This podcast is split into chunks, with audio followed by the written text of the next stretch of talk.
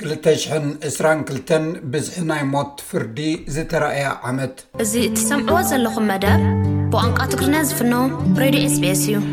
ኣምነስቲ ኢንተርናሽናል ዘውፅኦ ሓድሽ ፀብፃብ ክልተ ሽሕን ዕስራን ክልተን ኣብ መላእ ዓለም ካብ ክልተ ሽሕን ዓሰርተ ሸውዓተን ኣትሒዙ ዝለዓለ ቁፅሪ ፍርዳዊ ቅትለት ዝተመዝገበላ ዓመት ምዃና ሓቢሩ ኣሎ። ዕስራ ሃገራት ናይ ቅትለት ፍርዲ ተግባራት ከም ዝፈጸማ ዝፍለጥ ኮይኑ፣ እዚ ኸኣ ምስቲ ኣብ ክልተ ሽሕን ዕስራን ሓደን ዝነበረ ክወዳደር ከሎ ብሓምሳን ሰለስተን ሚእታዊ ወሰኽ ከም ዝገበረ ዝሕብር እዩ። መሓመድ ሓሸሚ ማሕበራዊ መራኸቢታቱ ኣብ ነፍሲ ወከፍ ሰዓት ዘሐድሶ እዩ። እቲ ኣብ ሲድኒ ዝነብር ሰብኣይ ኣብ ኢራን ንዝርከብ ዘመዱ ብሞት ዝተፈርዶ ማጂድ ኻዚም ብምዃኑ ንሰሙን መመላእታ ኣይደቀሰን። ኣብ ዝኾነ ይኹን እዋን ድማ ክቕተል ከም ዝኽእል እዩ ዝገልጽ።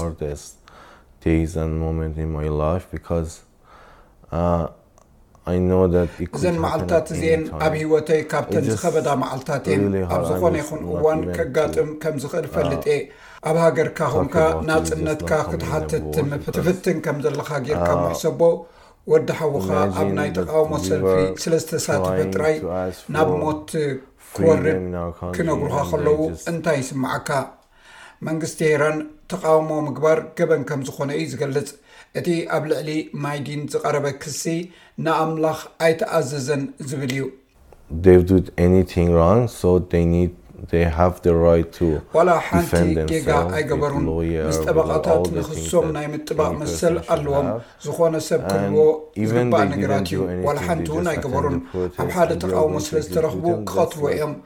ክትግምቶ እውን ዘይትኽእል እዩ፣ ክትኣምኖ ኣይትኽእልን ኢኻ፣ ከምኡ እዩ ኣጋጢሙ ዘሎ። ዘመድ ሓሽሚ ሓደ ዛንታ ናይቲ ዘሕዝን ኣሃዛዊ ጸብጻብ ጥራይ እዩ። ኣብ ክልተ ሽሕን ዕስራን ክልተን ኣብ መላእ ዓለም ሸሞንተ ሚእትን ሰማንያን ሰለስተን ሰባት ክቕተሉ ተፈሪዶም።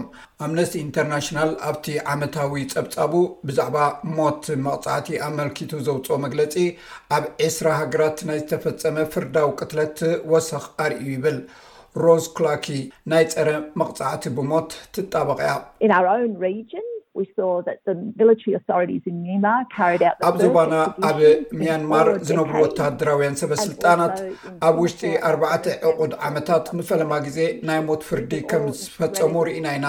ኣብ ሲንጋፖርን ኣፍጋኒስታንን እውን እንተኾነ እዚ ፍጻሜታት ዳግማይ ክጅምር ርኢና። እዚ ኩሉ ሰባት በቶም ዘፍቅርዎም ሰባትን በቶም ስድራ ቤታትን ኣቢሎም ዘሕልፍዎ ዘለዉ ዘሕዝን ፍጻሜታት እዩ።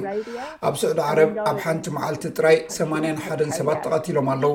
ብጠቕላላ ዕስራ ሃገራት ናይ ሞት ፍርዲ ከም ዝፈጸማ ፈሊጥና ኣሎና። እቲ ጸብጻብ ከም ዝሕብሮ፣ እቲ ወሰኽ በተን ኣብ ማእከላይ ምብራቕን ሰሜን ኣፍሪቃን ዝርከባ ሃገራት እዩ ዝምራሕ ዘሎ። እቲ ኣሃዝ ኣብ ክልተ ሽሕን ዕስራን ሓደን ካብ ሓሙሽተ ሚእትን ዕስራን ናብ ሸሞንተ ሚእትን ዕስራን ሓሙሽተን ኣብ ክልተ ሽሕን ዕስራን ክልተን ተመዝጊቡ ዘሎ ወሰኽ ኣርእዩ ኣሎ። ቴስዓ ካብ ሚእቲ ናይቲ ኣብ ዓለም ዝፍጸም ናይ ሞት ፍርዲ ድማ ብሰለስተ ሃገራት ማለት ብኢራን፣ ስዑዲ ዓረብን ግብጽን እዩ ዝፍጸም። ኣምነስቲ ግን እቲ ርኽበታቱ ነቶም ኣብ ቻይና ናይ ሞት ፍርዲ ተፈሪድዎም ተባሂሉ ዝእመነሎም ኣሽሓት ሰባት ከም ዘይውስኽ ይገልጽ። ቺያራ ሳንጊርዮር ናይ ሞት ፍርዲ ኣማኻሪት ኣብ ኣምነስቲ ኢንተርናሽናል እያ። ኣብ ቻይና ብዙሕ ናይ ሞት መቕጻዕቲ ይፍጸም ከም ዘሎ መርትዖ ኣለና። ይኹን እምበር ካብቲ ኣብ ላዕለዋይ ቤት ፍርዲ ህዝቢ ዘሎ ስልጣን እውን ተሓዊስካ መርትዖ ኣለና። ንኣብነት እቲ ናይ ሞት መቕጻዕቲ ድርኩኺት እቲ ኣዝዩ ከቢድ ገበናት ዘየማልእ ከም ዝኾነ ዝሕብር እዩ። እዚ ሓደ ካብቲ ሞት ኣብ ትሕቲ ኣህጉራዊ ሕጊ ዘየቕጽዕ ሕጊ እዩ። ኣብ ኢራን ተመዝጊቡ ካብ ዘሎ ጸብጻብ ናይ ሞት ፍርዲ ፍጻሜታት ኣብ ክልተ ሽሕን ዕስራን ሓደን ሰለስተ ሚእትን ዓሰርተ ኣርባዕተን ዝነበረ፣ ኣብ ክልተ ሽሕን ዕስራን ክልተን ናብ ሓሙሽተ ሚእትን ሰብዓን ሽዱሽተን ክብ ኢሉ ኣሎ። እቲ ኣሃዛት ኣብ ስዑዲ ዓረብ ብሰለስተ ዕጽፊ ዝዛየደ ኮይኑ፣ ካብ ስሳን ሓሙሽተን ኣብ ክልተ ሽሕን ዕስራን ክልተን ናብ ሚእትን ቴስዓን ሽዱሽተን ኣብ ክልተ ሽሕን ዕስራን ክልተን ክብ ኢሉ ኣሎ። እዚ ኣሃዝ እዚ ኣብ ውሽጢ ሰላሳ ዓመት ኣምነስቲ ካብ ዝመዝገቦ እቲ ዝለዓለ እዩ። ኣብ ግብጺ ዕስራን ኣርባዕተን ሰባት ኣብዚ ዓመት ኣብ ክልተ ሽሕን ዕስራን ክልተን ተቐቲሎም። ገለ ካብቲ ሰባት ኣብ ክልተ ሽሕን ዕስራን ክልተን ንሞት እተፈርዱሉ ቀንዲ ምኽንያታት እውን እቲ ጸብጻብ ዝሕብር እዩ። ሚስ ሳንግሪዮርጊዮ ከም እትገልጾ፣ ቍጽሪ እቶም ብሰንኪ ምስ ሓሺሽ ዝተተሓሓዘ እተቐትሉ ሰባት ምስ ናይ ክልተ ሽሕን ዕስራን ሓደን ክነጻጸር ከሎ ኣብ ክልተ ሽሕን ዕስራን ክልተን ብልዕሊ ዕጽፊ ወሲኹ። Tis a mixed picture in that the main drivers for the increase in executions that we reported last year. ኣብ ዝሓለፈ ዓመት ኣብ ኢራንን ስዑዲ ዓረብን ምስ ሓሺሽ ዝተተሓሓዘ ዝተፈጸሙ ናይ ሞት ፍርዲ ንኽውስኹ ቀንዲ ረቋሒታት ምዃኖም ዝተሓዋወሰ ስእሊ እዩ ሂቡና። ካብ ኩሉ እቲ ኣብቲ ጸብጻብ ተመዝጊቡ ዘሎ ፍጻሜታት ሰላሳን ሸውዓተን ሚእታዊ ምስ ሓሺሽ ዝተኣሳሰረ ገበን ከም ዘቕትል ኢና ርኢና።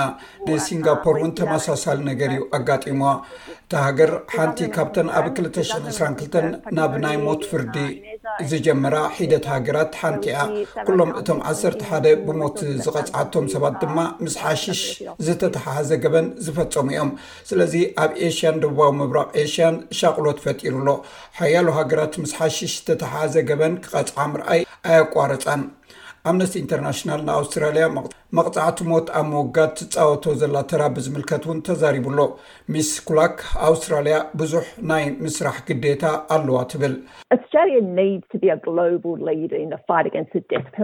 ኣውስትራልያ ኣንጻር ናይ ሞት መቕጻዕቲ ኣብ ዝግበር ቃልሲ ዓለም ለኻዊ መራሒት ክትከውን ኣለዋ ብፍላይ ኣብ ዞባና ኣብ ዓለም እቲ ዝለዓለ ናይ ሞት ፍርዲ ዝፍፀሞ ዞባ ስለዝኾነ ኣብ ቻይና ውን ዘሎ ሓድሽ ደረጃ ቃልስናን ኣተኩሮናን ከነምፅእ ኣለና ስለዚ ኣምነስቲ ምስ መንግስቲ ኣውስትራሊያ ክሰርሕ እዩ ዝፅበ ዘሎ ነቲ ናይ ሞት መቕፃዕቲ ንምውጋድ ዘኽእል ሜላ ድማ ምምሕያሽ ይገብር ኣሎ እዚ ኣብ 218 ዝተጀመረ እዩ ኣውስትራሊያ ናይ ሰብኣዊ መሰላት ግዴታታት ኣለዋ ኣብ ሙሉእ ዓለም ንዝፍፀሙ መጥቃዕትታትን ናይ ሞት ፍርዲ ጠጠው ንምባልን ብዝተኽኣለ መጠን ክንሰርሕ ኣሎና ኣብ ገሊኡ ዞባታት ብዝሒ ዝፍፀሙ ናይ ሞት ፍርዲ እናወሰኸ እንተኸደ እኳ እቲ ፀብፃብ ግን እተን ሃገራት ነቲ መቕፃዕቲ ንምውጋድ ኣወንታዊ ስጉምትታት ከም ዝወሰዳ ኣሚቱ ኣሎ። ሚስ ኩላክ እተን ቅኑዕ ነገር ዝገበራ ሃገራት ማዕረተን ዘይኮና ብዙሕ ቆላዕታ ክግበረለን ከም ዝግባእ ገሊፃ።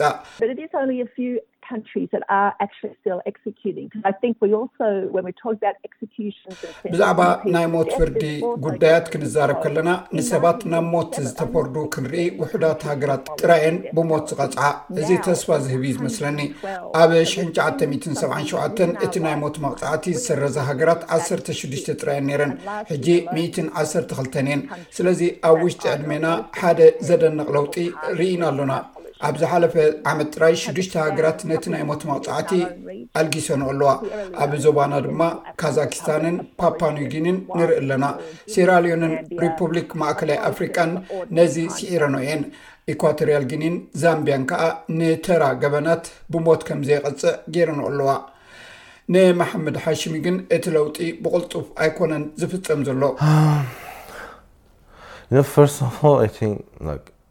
ቅድሚ ኹሉ ከም ዝመስለኒ ግን ኣብ መበል ዕስራን ሓደን ዘመን ናይ ቅትለት ፍርዲ ፈጺሙ ቅቡል ኣይኮነን። እዚ ሬድዮ ኤስቢኤስ ብቋንቋ ትግርኛ ዝፍኖ መደብ እዩ።